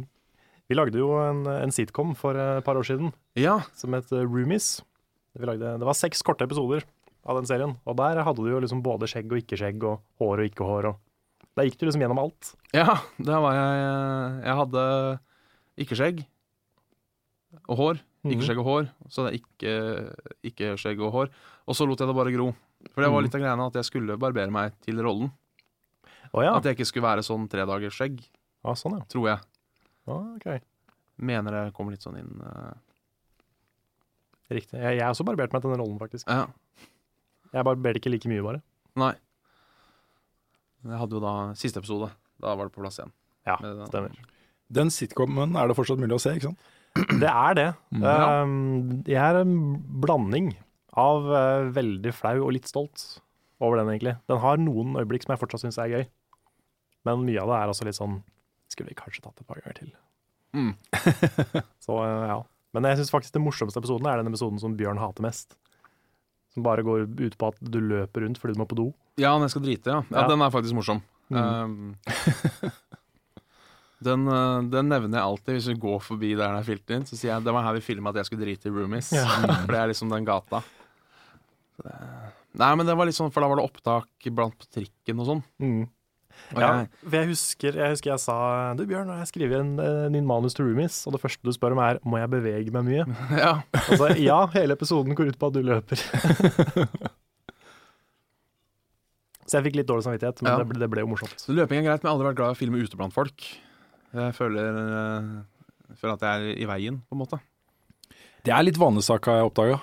Ja, jeg, er ikke, jeg blir ikke fullt så plaga av det nå lenger. som Nei, jeg gjorde synes før. helt i starten, da, du, da vi begynte å jobbe sammen, Mm. og vi var ute på gata og filma ting, liksom, så var jeg veldig flau. Ja, det var det. Ja, ja, ja, absolutt. Men nå er det sånn å føle at ok, vi kommer, rigger oss til med kamera, vi har en VGTV-mikrofon. Ehm, kanskje det er en eller to som, eh, som skjønner at vi kommer fra VGTV. Ja. At ikke vi bare er noen random dude som står og filmer et eller annet, liksom, Ja. til bloggen vår. Ja, for akkurat der er jeg så fullstendig enig. Eh, hvis jeg De gangene jeg har lånt VGTV-mikrofonen, da er det nesten så jeg kan stå naken og danse. For det er liksom, så lenge det er den Det er litt det samme som å gjøre russeknuter i russebukse. At ingen, ingen ser på det to ganger, fordi ja, de har på seg russebukse, så det er bare russeting. Ja. Eh, Eh, Mm. Rane en bank og Ja, ikke sant? Mm. Dette er tran. Det var i hvert fall Hønefoss. eh, jeg tenker kanskje sånn blir med VGTV-mikrofonen, da.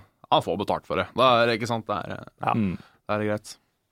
Men litt, med- litt med den, det var at vi skulle løpe ut av en trikk. Ja. Som betydde at vi måtte vente til trikken stoppa, så måtte jeg gå på, så måtte jeg gå av igjen. Mm. Og hvis noen hadde gjort det når jeg skulle hjem fra jobb, så hadde jeg jo blitt så grise, grisesint. Så det var derfor Så den eh, Den stakk litt dypt. Mm. ja. Jeg skjønner det. Ja.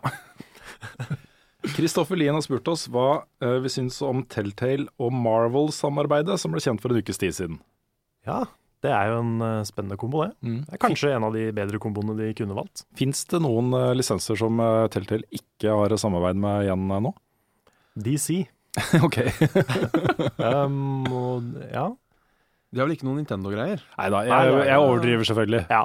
Men eh, det er jo Nei, egentlig fryktelig mange ting, ikke, da. Veldig mange serier de plutselig skal lage. ja de, de klarer å bare pumpe ut de spillene der, altså. Ja, har de nok historie i seg til å få alle til å bli like gode? Nå har jeg hørt veldig gode ting. Det eneste jeg ikke har spilt av de, det er eh, Borderlands. Men jeg har hørt veldig gode ting om den også. Mm. Ja. Så mm, så vidt jeg har fått med meg hittil, da, så har de ikke gitt ut noe som ikke er bra. Det har nesten blitt en egen sjanger. Telltale. Ja, Ja. ja men det er, jo, det er jo ikke bare Telltale i den heller. Det er jo Drømmefall er litt under samme sjanger. Eh, Mm. Life is Strange er veldig under samme sjanger. Ja, nei, jeg tenker mer på, på den visuelle stilen og alle de tingene som på en måte har eh, kommet til å representere de seriene de lager, da. Ja, det er sant. Ja, det er en helt egen kategori, sånn sett. På en måte. Mm. Nei, men eh, jeg, jeg tror jo det kan bli bra, som alt annet, liksom. Game of Thrones og Mm. alle de tingene de gjør, liksom, kan jo bli kjempebra. Ja. ja, Game of Thrones eh, koser jeg meg veldig med nå. Kanskje feil å si kose meg med, for den er veldig fæl, men, Ok. eh, men det er bra. Det er veldig bra. Mm.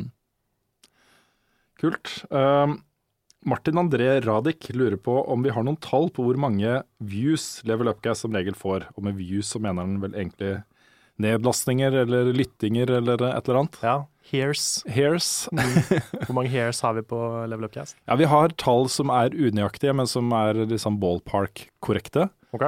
Um, de får et sted mellom 6 7 og 12 15 000 eh, Mm. lytts. Lytts eh, hver- hver episode.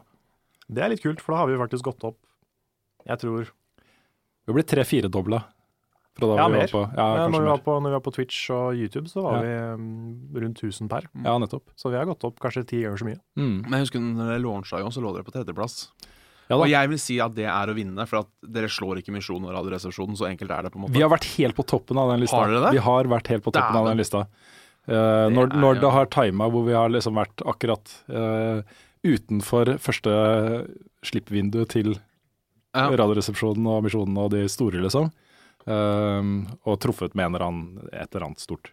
Så har vi vært helt på toppen. Det er Første kult, altså. og andreplass. Det er faktisk kult. Det er en liten life achievement. Ja, men nå Det har er det, nest- stabilisert seg litt, tror jeg. For nå ligger vi sånn eh, omtrent der eh, Rad Crew ligger på listene. Ja. Har Men jeg sett? Mm. altså, jeg tenker med en liten sånn asterisk, sånn stjerne, så kan dere faktisk skrive Norges mest populære podkast. Ja da, Det eh, det, er må jo- forklares på en måte, men Det er jo det er mulig, så lenge, ja, så lenge dere har den fotnota. Ja. Verdens mest populære norske spillcast. Ja, jeg vet ikke hvordan de listene der fungerer egentlig, også, fordi eh, vi har, eh, vi har omtrent like mange, mange nedlastinger og sånt som vi hadde da vi var på første, andre, tredjeplass jevnlig eh, i fjor høst. Um, men ligger lenger ned på lista. Jeg tror kanskje det er fordi podkaster generelt har blitt mer populært i Norge. Ja. Mm. Og så har du kanskje, kanskje ta litt med hvor mange abonnenter dere får Mm. i, i det regnestykket òg. Ja, det er kanskje det er noen vek vekting eller et eller annet. Får, eh, Men vi er i hvert fall veldig fornøyde. Det er et godt tall for oss. Jeg tror det kan bli mye høyere, egentlig. Sånn, Ja, I Men- hvert fall hvis eh, det har vært noe snakk om at kanskje VG begynner å fronte oss litt mer. ja, vi har aldri vært på fronten av VG ennå. Vi har jo ikke det. Nei. Så kanskje hvis det begynner å skje, så Kanskje. maybe. Kanskje. Vi får se. Nei, Det er i hvert fall et koseprosjekt for oss, dette her. Og det at folk gidder å høre på er jo bare hyggelig. Mm. Men vi bruker jo ikke så mye tid på det. Det er Nei, et vi, sånn vi kommer om eh, på ettermiddagen, og så prater vi litt. mm, Og så tar det en halvtime, tre kvarter å klippe det og publisere det. Ja. Så Så det er et lo-fi-prosjekt, så det er veldig, veldig bra. mm, men vi liker å lage den. Eh, René Bjerkenes Olsen lurer på om vi kan lage en video til YouTube der hele redaksjonen drar til et kattepusshjem og koser med søte kattepuser. Jeg er veldig, veldig down, merker jeg. Ja. Nei, Det har vært veldig koselig. Vi snakka litt om det før sendingen. Eh, Du hadde et godt forslag, Bjørn. Ja, og stikk opp til Foreningen for omplasserte dyr. De holder jo til rett ut av Det er jo kanskje innafor Oslo-grensa òg. de har jo masse katter. De kunne sikkert lånt oss noen katter. Mm. Jeg tenker det er så en sånn god idé, for det er et av mine favoritt-TV-øyeblikk noensinne. Eh, Det er en Scrubs-episode. Jeg husker ikke hvorfor han ene er sjuk, da, men det er sånn et av de eh, fantasiene JD har. Hvor de har en sjuk pasient, og han bare tømmer en pappeske med kattunger oppå. Og så han blir frisk. Jeg tenker Det kunne vært noe, kunne vært noe lignende. Ja, det kunne vært noe sånt, det. Ja. Vi kunne jo også, hvis dyr hadde vært veldig gode venner, Ja. så kunne vi hatt en sånn samling av dyr. Mm. At vi hadde liksom en papegøye på den ene skulderen og kanskje en kanin på den andre. Så hadde vi en, bare fanget fullt av kattepuser. Ja. Noen sånne røde pandaer som går rundt. Eh, hva heter det på norsk igjen? De heter vel rød panda, gjør det ikke? Ja, men det er noe annet òg. Det er sånn eh, kattebjørn, tror jeg det heter. det? Vaskebjørn. Kattebjørn. Katt, kattbjørn! Katt, kattebjørn. Jeg tror faktisk det heter kattebjørn, Ja, eh, hvis ikke jeg blander. Men eh, noen sånne. ja. Mm. Og eh, litt forskjellig. Gaupe. Ja, babygaupe. Det Ja. måtte vært babydyr. Eller stor gaupe. Kobra. En, Men ko- ja. Snill. Og sånn, um, og sånn en bitte liten baby-minihest. Sånn som er mi like liten som en menneskebaby. Ja, nå begynner det å bli veldig spesifikt. Har du tenkt mye på dette, her, Karl? Litt. Ja. Så, mm. Og sånne bitte, bitte små hester, de er faktisk veldig søte. Ja. Mm. Og elg. Og elg. Jeg har alltid hatt for- forkjærlighet for elgen. Ja. Mm. Jeg tror ikke jeg har sett en elgebaby. Er ikke det, det er kanskje basically litt sånn rådyr? Jeg vil tippe at de ser ut som en liten elg. Ja, Jeg det er mulig. jeg har sett det på TV. Men René, som du skjønner, så fikk vi en del bilder i hodet her, så det kan jo hende at eh, du er spiren til en sketsj eller, eller noe et eller annet. Ja. Det, Level Up dyrespesial, for eksempel. hvor vi har bare masse spill om dyr, Mm. og så gjør vi dyreting. i- Dyreting, ja. Mm. ja. Det er en god idé. Ja. Det blir en dyr episode å lage. Unnskyld, jeg klarte ikke å dy meg. Jeg beklager. Jeg synes det var Ja. Jeg veit jeg ljuger. Vi nevnte i tidligere i podkasten at vi skulle komme tilbake til dette med motion sickness i spill, og vi har fått et spørsmål fra Chris Falleth. Han spør om vi har noen gode tips mot motion sickness pga. spill. Jeg prøver å spille Wolfenstein The Old Blood, men den konstante vuggende måten som spillfiguren går på, gjør meg uvel etter kort tid. Og det er jo et kjent problem, jeg har fått det flere ganger selv. Ikke ofte, men av og til så er det liksom ting som gjør at jeg blir litt kvalm av å spille Mirror's Edge, for eksempel. Mhm. Um, jeg ville ikke bare komme hit og synse, så jeg sjekka litt på Google først. Eh, og Steam, eh, Valve, har jo noen tips på brukerhjelpsidene sine. Eh, det første er eh, Eller to av de er, eh, er knytta til eh, PC-brukere, bare så det er sagt. Så hvis du spiller på PlayStation 4 eller Xbox One og blir motion eh, sickness, så er det bare ett av disse tipsene som du kan få noe ut av. Men det første tipset er PC-relatert. Det, det går på å skru på VSync, som er en innstilling i eh, grafikkinnstillingene. skru det på. Eh, og hvis du har muligheten til å ha høyere hertz enn 60, som jo er litt sånn standard på, på PC-skjermer, så gjør det så høyt som mulig. Det var det første tipset. Det andre tipset er generelt, uansett om du spiller på konsoll eller PC, og det går på belysning i rommet du sitter i, og særlig rundt akkurat der du sitter. Så rundt skjermen og rundt der du sitter, at det er godt belyst. Så, så det at folk vil liksom ha et mørkt rom for å bli mer immersed, det kan Mm. også gjøre deg mer bilsjuk. Ja, eh, tydeligvis. Men det, ja, for det gir jo på en måte For det med at man blir dizzy, er vel at eh, visse deler av hjernen din mottar andre signaler enn det deler av den får. Ja, men jeg tror det med belysning det handler om at du Ja, for- ja, men da tenker jeg da, sk- da, da- da skjønner eh, hjernen at det står stille. mm, Men hvis du bare ser skjermen, så Ja. kan du jo lure deg selv. Ja, jeg tror det har noe med det å gjøre. Det tredje tipset er eh, FPS, altså frames per second. Eh, skru det opp. I mange spill så kan du jo, i PC-spill, da, så kan du gå inn i kommandoen og, sånt, og si at jeg vil eh, kjøre spillet i 120 frames i sekundet, istedenfor 60 da, eller 30, eller det som er standard. Um, hvis det er mulig, eh, sett det høyere enn 60. Eneste spillet jeg har opplevd å bli litt bilsjuk For jeg blir aldri bilsjuk. Jeg blir ikke båtsjuk eller flysjuk eller noen ting. Men eh, bare i Final Fantasy Type Zero Ok. opplevde jeg å bli sånn småsjuk av eh, kamera. Men det var fordi det kameraet sugde. Det var det verste kameraet jeg har sett på mange år. Det er sånn at kameraet sto på en eh, skute i, eh, i tidenes største storm midt på havet. Ja, og så var det, det var så sånn brå bevegelser. Ja. Du, det var liksom alt eller ingenting. Mm. Så øh, det var som om liksom Istedenfor at eh, kameramannen bare sakte flytta kameraet dit, den- dit den skulle, så var det som om han liksom bare fikk en kule i sida og bare smelt av gårde. Ja. Og så bare lander den seg, og der stopper kameraet. Mm. Det var håpløst. Morsomt.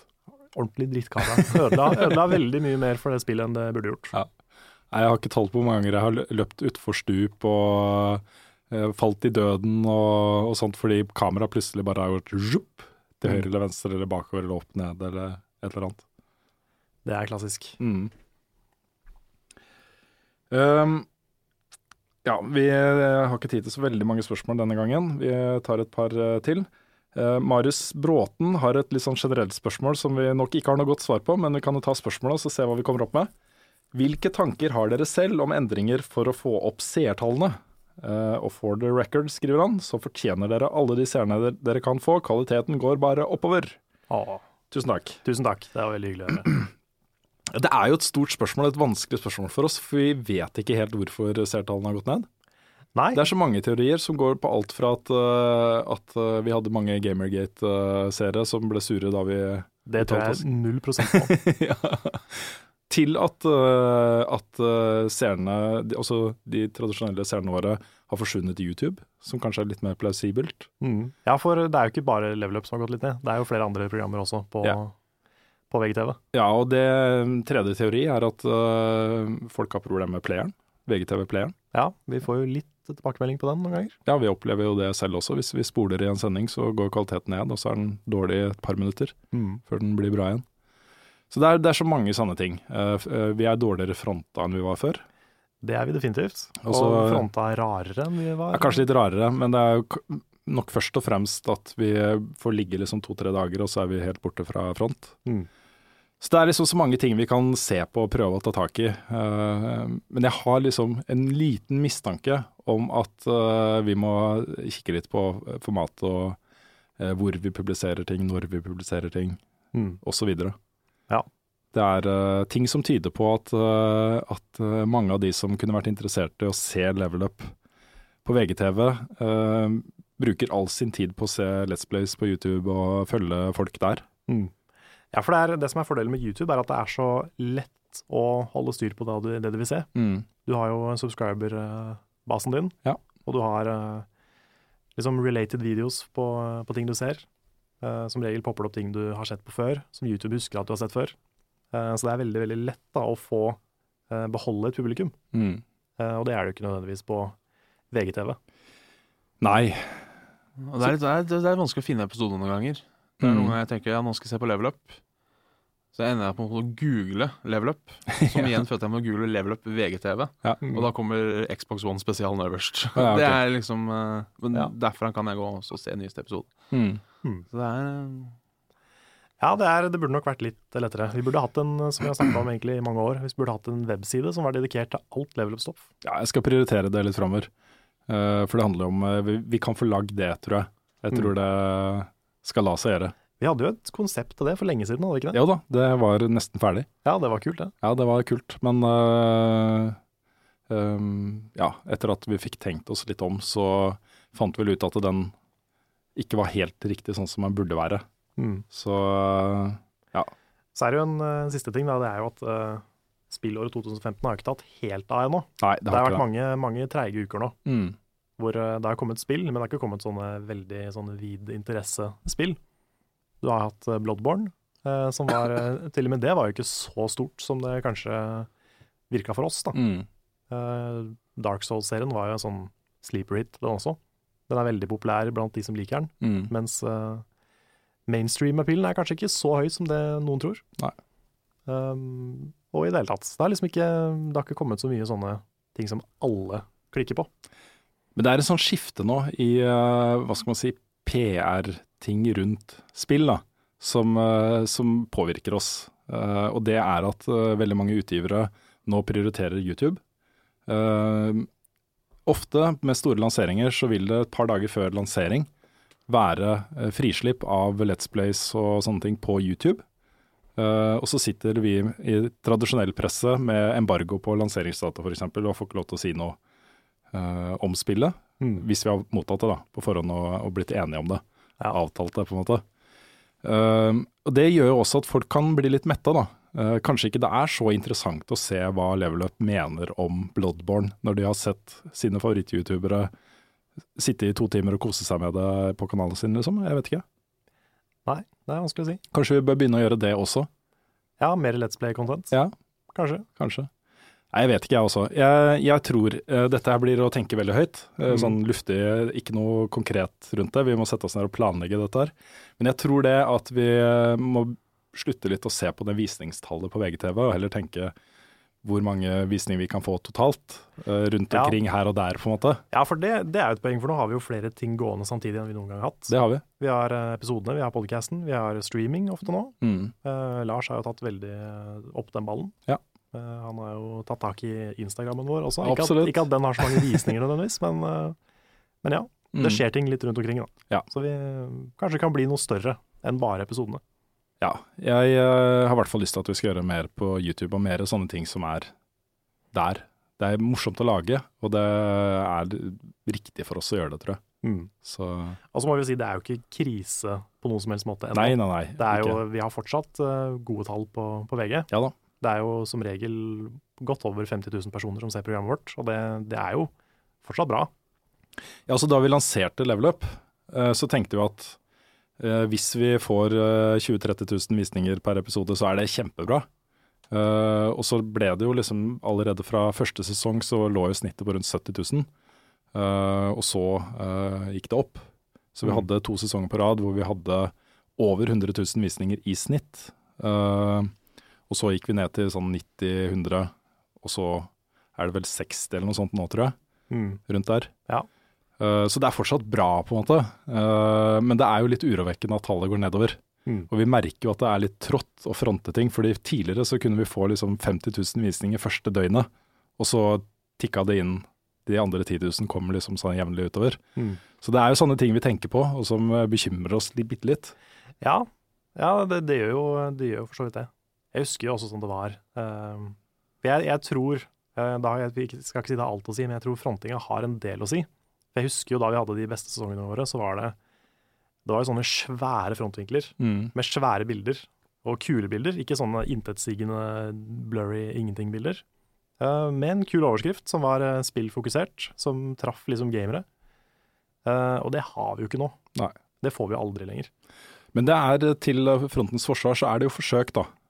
Med store, gode bilder og veldig spillfokuserte ting. Eh, problemet er jo de sitter jo hele tiden og følger trafikken eh, i sanntid på Mm. frontvisningene. Og de går ikke så bra som de gjorde før. Nei. Så da skifter de, og så prøver de ut nye ting, og så ja, funker for så vidt ikke det heller, men, men de har de har i hvert fall prøvd. Ja. Så, eh, så det har skjedd noe der. Jeg tror det er veldig mange eh, yngre mennesker som har uh, slutta å gå på VG-nett forsiden. Mm. Det tror jeg er eh, hovedgrunnen til at tallene er lavere. Det, det kan nok hende. Så eh, vi får se. Kom tilbake, folkens. Ja, please. Tell your friends. Tell your friends. Vi setter veldig pris på eh, litt sånne hobbyambassadører. Det er veldig hyggelig. Ja, det gjør vi. Jeg tar et par spørsmål til. Eh, Det første er fra Kurt Arne Strømmen.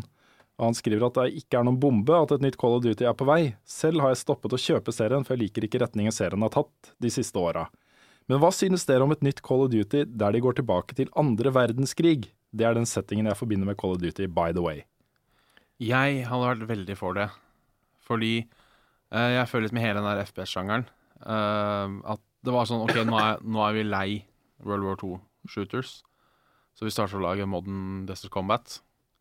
Nå føler jeg at det har vel vært mer Desert Combat-spill enn det noensinne har vært laga World War II-shooters. Så jeg er veldig klar for Jeg var jo egentlig ikke lei World War II-shooters heller. Jeg elsker, jeg elsker den settingen. Så ja, jeg, da tror jeg kanskje jeg hadde gått Da hadde jeg gått litt i taket. Litt sånn eh, Call- Tony Hawk 5 i taket hvis, eh, hvis jeg lager Call of Duty World War 2. Er det noen andre kriger de kunne, kunne Vietnam har Det ble jo vel- forsøkt. Vi var innom Vietnam med et par spill der. Ja. I overgangen da folk begynte å bli litt lei av andre verdenskrig. Mm. Men jeg er jo litt sånn skyldig i det også selv, fordi jeg spilte jo alle, jeg spilte absolutt alle andre verdenskrig skytespill som kom, fra Modern, nei, fra Modern Warfare, sier jeg, fra Medal of Honor og utover. Eh, og det var jo tre store serier der. Det var eh, Medal of Honor, det var Call of Duty, og så var det Brothers in Arms. Eh, pluss at det kom et par andre spill som prøvde seg i samme sjanger. Og det ble jo så fryktelig mange av det etter hvert. Alle hadde oppfølgere. Det kom- Hvert år så kom det liksom tre store spill fra andre verdenskrig som basically var ganske like hverandre. Ja. Eh, og når du på en måte har gått inn i tematikken andre verdenskrig og forsøkt å gjenskape hvordan det var på et eller annet vis, om det er overdrevent eller filmatisk eller hva det er, så kommer du til et punkt der som du gjør i bilspill f.eks., hvor det føles som om det meste er prøvd ut. Ja. Eh, og når du spiller et nytt spill, så er det liksom Hva nytt kan de gjøre, på en måte? Eh, det siste virkelig gode andre verdenskrigsspillet som kom, som jeg mm, husker, da, det var det siste eh, Brothers in Arms-spillet. Som jo fortalte liksom veldig personlige historier oppi dette her, som ble faktisk ganske bra. da. Eh, men da var jo all mekanikken og alle de tingene var jo så utprøvd at det spillet ikke klarte å slå noe særlig fra seg likevel. Så jeg følte meg jo virkelig da, det, da Modern Warfare kom, og andre verdenskrig på en måte offisielt var over, så, så følte jeg meg helt ferdig med den Ja. settingen. Eh, Nå tenker jeg at nå er jo, som du sier, det markedet, den sjangeren, også veldig metta. Ja. Eh, De har jo begynt å gå i fremtiden isteden. Eh, og Når det er ferdig med det, så tenker jeg ok, hva er det neste da? Da kan det godt tenkes at det er klart å gå tilbake til andre verdenskrig igjen. Mm. Det kan tenkes. Kanskje folk er klare for det nå, til og med. Ja, eller kanskje, kanskje de kjører litt den der Destiny-ruta, at det blir sånn aliens eh, og sånn. Det håper jeg. Jeg har eh, aldri, aldri vært så veldig glad i aliens i spill. Doom excluded. Eh, men eh, eh, jeg lik, det hø Nå høres det veldig feil ut, da, men de skjønner hva jeg mener. Jeg liker best å skyte folk. Altså, Jeg syns Jeg hadde syntes det der å fighte mot aliens har vært så Det har liksom ikke vært det som har vært gøy. Jeg syns det er morsomst. At du gjør det? Ja. Nei, da Men hva med første verdenskrig? Er det for dårlige guns? Er det det som er problemet? altså, Det er vel litt, litt problemet med første verdenskrig, at de sto vel stille i De, fire år. de sto i skyttergraver. ja, det er sant. Det Eh, er, og det skjøt er, det hverandre. er for så vidt veldig Men sant. jeg har spilt et par, eh, p- par eh, minutter av det derre Verdun, Verdrun, som er sånn multiplayer eh, første verdenskrigsspill. Mm. Og det f- funka sånn halvveis. Mm. For da har du sånn timer ok, nå, hvor du skal over ingenmannsland. Det er liksom, ok, nå skal dere storme. Og Det, det funka egentlig. Mm. Men eh, der også ble det litt sånn Laget mitt sto der, de andre sto der, og så sto vi bare og skjøt på hverandre. Så jeg vet liksom ikke helt hvor godt det funker. Men de kan jo lage en sånn der eh, Special Ops eh, World War One eh. Ja, ikke sant. Fordi ta Inglorious Bastards, for eksempel. Ja, det er jo ikke et sant. kjempebra spillkonsept. At det kommer et sånt eliteteam inn og skal fucke opp ting, liksom. ja. Det er et godt poeng. Så der går det an å gjøre ting. Og også en del av bakgrunnshistorien til eh, Metal Gear-serien, hvor eh, mange av de bossene eh, i spillet, de var jo en sånn elitegruppe under andre verdenskrig, Ja. som eh, gikk rundt og gjorde ting, liksom. Mm. Det, Sånne ting syns jeg er litt kult, da. Der kunne kanskje ikke det var andre verdenskrig, det var nok noe annet. Men eh, Call of Duty World War Ghosts. et eller annet. Mm. Det er fordi der er det mulig å gjøre, gjøre gode spillopplevelser, tror jeg. Mm. Hvis du eh, tenker litt mer i de ba banene. Eller Call of Duty Ancient Warfare, ja! hvor det er sånn Det er ikke guns i det hele tatt. Nei, Det er bare andre våpen. Det hadde jeg spilt. ja, det høres, høres ganske morsomt ut. Ja. Cold of Duty Rock. Det er hulebodd, bare grynter og denger folk med stein. Ja, ja, ja. Eh, Det hadde jeg spilt. Noen Mm. type Dark Souls-gameplay, liksom. Ja, Du Mm. Går rundt og bare velger en stein og Mm. ja. Oppgraderer den. Det er så mye, det er så mye potensial i Call of Duty. Ja, det er Første stagen av Spore. Ja, Call of Duty encella organisme. hvor du går rundt og skyter andre organismer. Ja. Nei, altså, det kommer det, Andre verdenskrig kommer til å komme tilbake i spillmediet. Uten tvil. Spørsmålet er bare når. Ja. Så eh, Og du kan jo vel strengt talt Ja, du nevnte jo eh, New Blood, Old Blood, eh, Mm. nå. Det er Ja. jo strengt talt andre verdenskrig. Ja da, det er jo det. Det er 42, var det det? Ja, stemmer. Så da er det jo midt oppi det, som man sier. Så, Men det ligger jo på en måte nærmere Quake og Doom enn eh, enn, eh, Medal of Honor Call of Duty. ja, det- ja, det er sant. Det er mer som plaffeløs type gameplay. Ehm, siste spørsmål. Det er fra Johan Martin Seland. Hvilket spill har dere spilt mest i antall timer gjennom tidene? Det er Jeg har aldri vært sånn som har spilt sånn spilt dritlenge, men jeg tror Oblivion Tror jeg kanskje jeg har gått over 300 timer i. Det tror jeg kanskje er det. I hvert fall som jeg husker. For problemet før det var jo ikke timer i spill. Nei. Altså jeg vil tippe ja, Golden Eye, som jeg nevnte i stad, da, har jeg nok spilt flere timer enn det. Men det er jo ikke noen timer, så jeg vet ikke. Så jeg tror jeg må si Oblivion. Den spilte jeg Mm. nok. Ja. Altså jeg er litt frista til å si Worms Armageddon, fordi jeg spilte det så sykt mye online i mange år. Ja. Men det er så korte matcher, så jeg føler sikkert at jeg spilte det mye mer enn jeg egentlig gjorde. Mm. Um, samtidig så har jeg i hvert fall to-tre godt over 100 timers saves i Final Fantasy 10 Mm. eh, da det kom. Eh, Final Fantasy 9 også.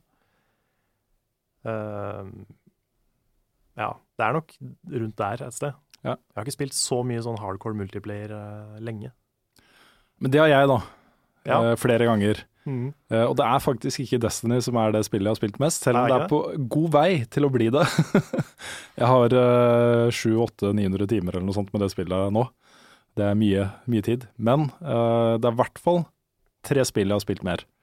Eh, og det jeg har spilt mest, er sannsynligvis Quake 3. Eh, Ok. det spilte jeg og spilte jeg og spilte jeg og spilte jeg i to-tre år. eh, hver dag, opptil flere timer. Eh, utrolig morsomt. Eh, aldri noe skytespill og, og hva skal man si, sånn klanopplevelse som kommer til å komme i nærheten av eh, det jeg opplevde med det spillet her. Vi spilte turneringer og var på LANs og hadde egne LANs og øvde og alt mulig rart. Så eh, jeg aner ikke hvor mange timer det var, men det er sikkert flere tusen til sammen. Ja, for så vidt når du nevner det. Smash Bros. Ja. Eh, vet ikke hvilket av de. Kanskje Melee jeg har spilt mest. Men eh, der også er jeg noen hundre timer, altså. Mm. Definitivt. Ja, for å si det, jeg kom til å tenke på Bad Company 2. Ja. Det spilte jeg mye når det Mm. var eh, på topp. Ja. Så det er mulig det kniver om tittelen. Mm. Ja, de andre spillene som kniver om tittelen hos meg, er, er jo um, eh, Half-Life 1, som jeg spilte Deathmatch masse. Um, Counter-Strike har jeg spilt utrolig mye. Battlefield 1942 eh, og Trackmania. Og Minecraft, for så vidt, også. Jeg har spilt veldig mye. Jeg Ja. spilte jo det hele tida mens jeg hørte på begge de to første Game of Thrones-bøkene på lydbok, Mm. blant annet. Og det er noen timer. Ja. Så um, Minecraft også er høyt oppe. Mm. Kanskje faktisk på toppen. Ikke helt sikker. Nei, det hender jo liksom at tanken slår meg at jeg kanskje spiller Destiny litt for mye. det gjør det. Men jeg er så glad i disse periodene. og Jeg har sånn historisk sett opp gjennom årene også eh, hatt denne typen perioder før. Og de betyr så mye for meg. Det er så deilig å liksom Ja. omhylle seg i ett spill og bare leve på en måte litt i det. Ja, ja, ja. For det er en periode, ikke sant, og så går det over. Og Mm. så får man litt mer avslappa forhold til det. ja jeg, er, eh, jeg vet jeg tuller mye med det, men jeg er veldig glad på dine vegne. Ja, At du, tusen at du har takk. funnet et spill du er så glad i. Ja, tusen Ja, takk. for jeg, jeg, jeg misunner deg litt. For jeg, ten- ja, sånn som for eksempel når Bad Company 2, da, så var det i hvert fall, det var i hvert fall minst to kamerater som spilte det liksom, uansett når. Mm. Liksom, var du ferdig på skolen, så kunne du kunne gå hjem og spille Bad Company. Hadde du tid til års, kunne du spille Bad Company. Hvis ingen var på, så, så ble de med. Mm. Eller så spilte man alene. Så det er, eh, jeg mener at jeg misunner deg det der Destiny-rushet ditt. Ja, det er koselig. Og det er blir kjent med så mye folk. Eh, jeg gikk fra en venneliste på PlayStation Network som var liksom to personer. Ja, ja, Nå så, har jeg liksom 50-60 eller noe sånt. Og det er alltid 20-30 som er pålogga og spiller Destiny. Men jeg, hadde- jeg hadde lyst til å lage en dokumentar om deg, jeg. Å ja. Eh, fordi når, når du eh, Altså ikke en ordentlig dokumentar, men jeg husker når, når, du drev, når dere virkelig styrte på den der Walt of Glass. Vet du hva, bare avbryt. Dette Jeg satte på alarm. Nå må vi runde av sendinga, Ja, fordi jeg skal hente unger i barnehagen. Så si det fort, I og så 20, runder vi av. 20 sekunder. Ja.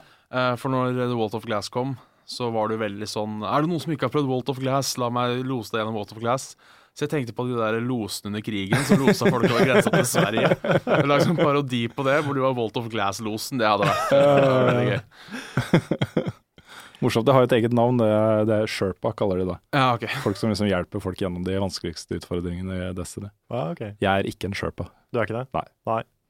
Da er det noen hardcore-spillere ute. Ja, det, det er det. Men ja, skal vi avslutte episoden? Vi gjør det. Vi må jo bare sånn kjapt før vi, før vi sier ha det. Eh, Bjørn, Ja. når du ikke er i leveløp, ja. hvor på internett kan man finne deg? Da er jeg på Færøyvåg på YouTube. Eh, Saft og Svele på YouTube, som er eh, med Svendsen, som også er level up. Så er det jo Færøyvåg på Twitter, da. Der jeg eh, som regel har vitser jeg syns er dritmorsomme, som ingen retwitter. Så det er absolutt verdt å få med seg. Ja, det er bra, veldig bra. Jeg solgte deg selv veldig godt. Yes! Ja.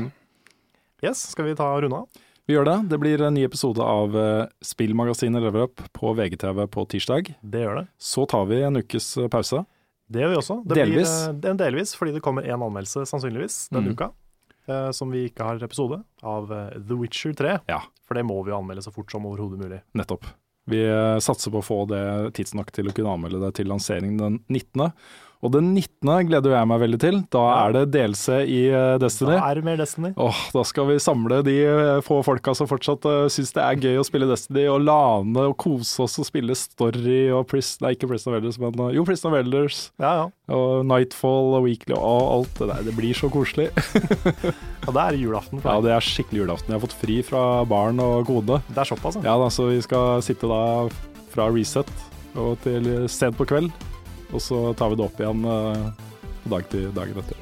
ja, det blir kjempekoselig. ja det blir koselig. Jeg, jeg unner deg å ha det litt koselig. Ja, med Destiny, tusen og- takk, Karl. Jeg gjør det. Men eh, tusen hjertelig takk til alle som eh, hører på podkasten vår. Det syns vi er kjempegøy. Veldig, veldig koselig at dere Mm. sitter og hører på oss. Eller går og hører sykler, eller hva dere enn gjør. Ja. Buss og hører. Ja, ikke sant? Vi må vel kanskje nevne at det muligens ikke blir podkast neste uke heller, for da er det eh, Kristi himmelfartsdag på Ja, det torsdag. er masse helligdager og sånn. da. Ja, og så er det planleggingsdag i barnehagen på fredag. Ja, ok. Så vi, Så- vi skipper en podcast også. Eh, ja, vi tror kanskje at det går mot det også.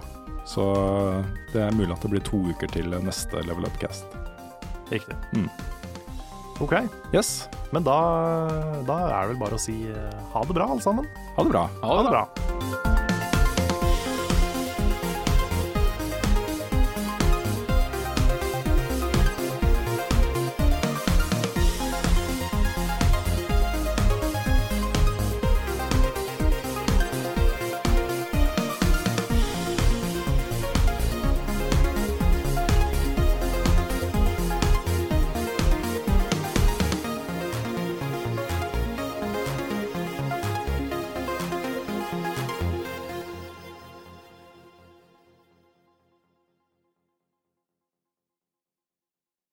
Har du et enkeltpersonforetak eller en liten bedrift?